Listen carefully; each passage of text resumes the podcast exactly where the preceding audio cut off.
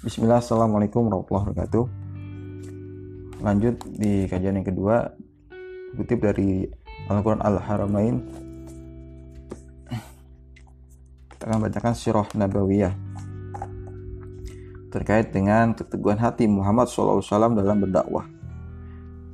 Dakwah yang dilakukan Nabi SAW secara terang-terangan ditentang dan ditolak oleh kaum Quraisy dengan alasan bahwa mereka tidak dapat meninggalkan agama yang telah mereka warisi dari nenek moyang mereka dan sudah menjadi bagian dari tradisi kehidupan mereka. Pada saat itu Rasulullah SAW mengingatkan mereka akan perlunya membebaskan akal dan pikiran mereka dari belenggu taklid, taklid Selanjutnya dijelaskan oleh Nabi SAW bahwa tahun Tuhan bahwa Tuhan-Tuhan yang mereka sembah itu tidak dapat memberi manfaat atau menolak bahaya sama sekali. Tradisi nenek moyang mereka dalam menyembah Tuhan-Tuhan itu tidak dapat dijadikan alasan kuat untuk diikuti. Karena itu adalah taklid buta. Firman Allah di ayat lain menggambarkan bagaimana jawaban mereka dengan keras penolakan mereka. Dan apabila dikatakan kepada mereka, marilah mengikuti apa yang dituturkan Allah dan mengikuti Rasul. Mereka menjawab, cukuplah bagi kami apa yang kami dapati nenek moyang kami mengerjakannya.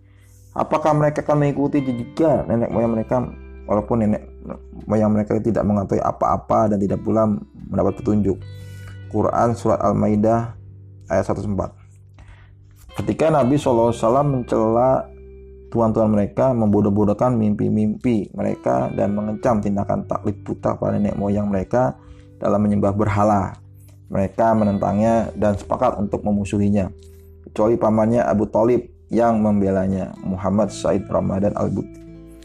Soroti 7273 Asbabul Nuzul Menurut Ibnu Abbas, Kedua ayat ini ditentukan berkenan dengan para pendeta Yahudi di sekitar Madinah yang menolak dan mengingkari ciri-ciri kenabian nubuat Nabi Muhammad SAW.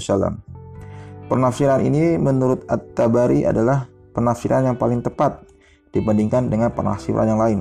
Karena kata kuf sendiri secara etimologis berarti menutupi.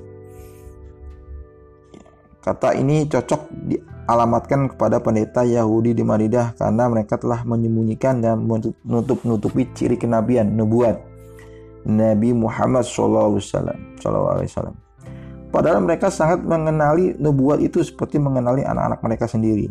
At-Tabari Jami'ul Bayani Antawil Ayil Al-Qur'ani Juz 1 1420 tahun 2000 Masehi 258 272. Dan yang selanjutnya adalah Riyadus Solihin Quran Al-Baqarah 67 dari Abdullah bin Umar bin Abdullah radhiyallahu anhu.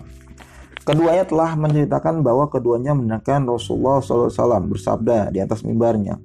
Hendaklah orang-orang suka meninggalkan sholat Jumat menghentikan perbuatannya. Ataukah mereka ingin Allah membutakan hati mereka?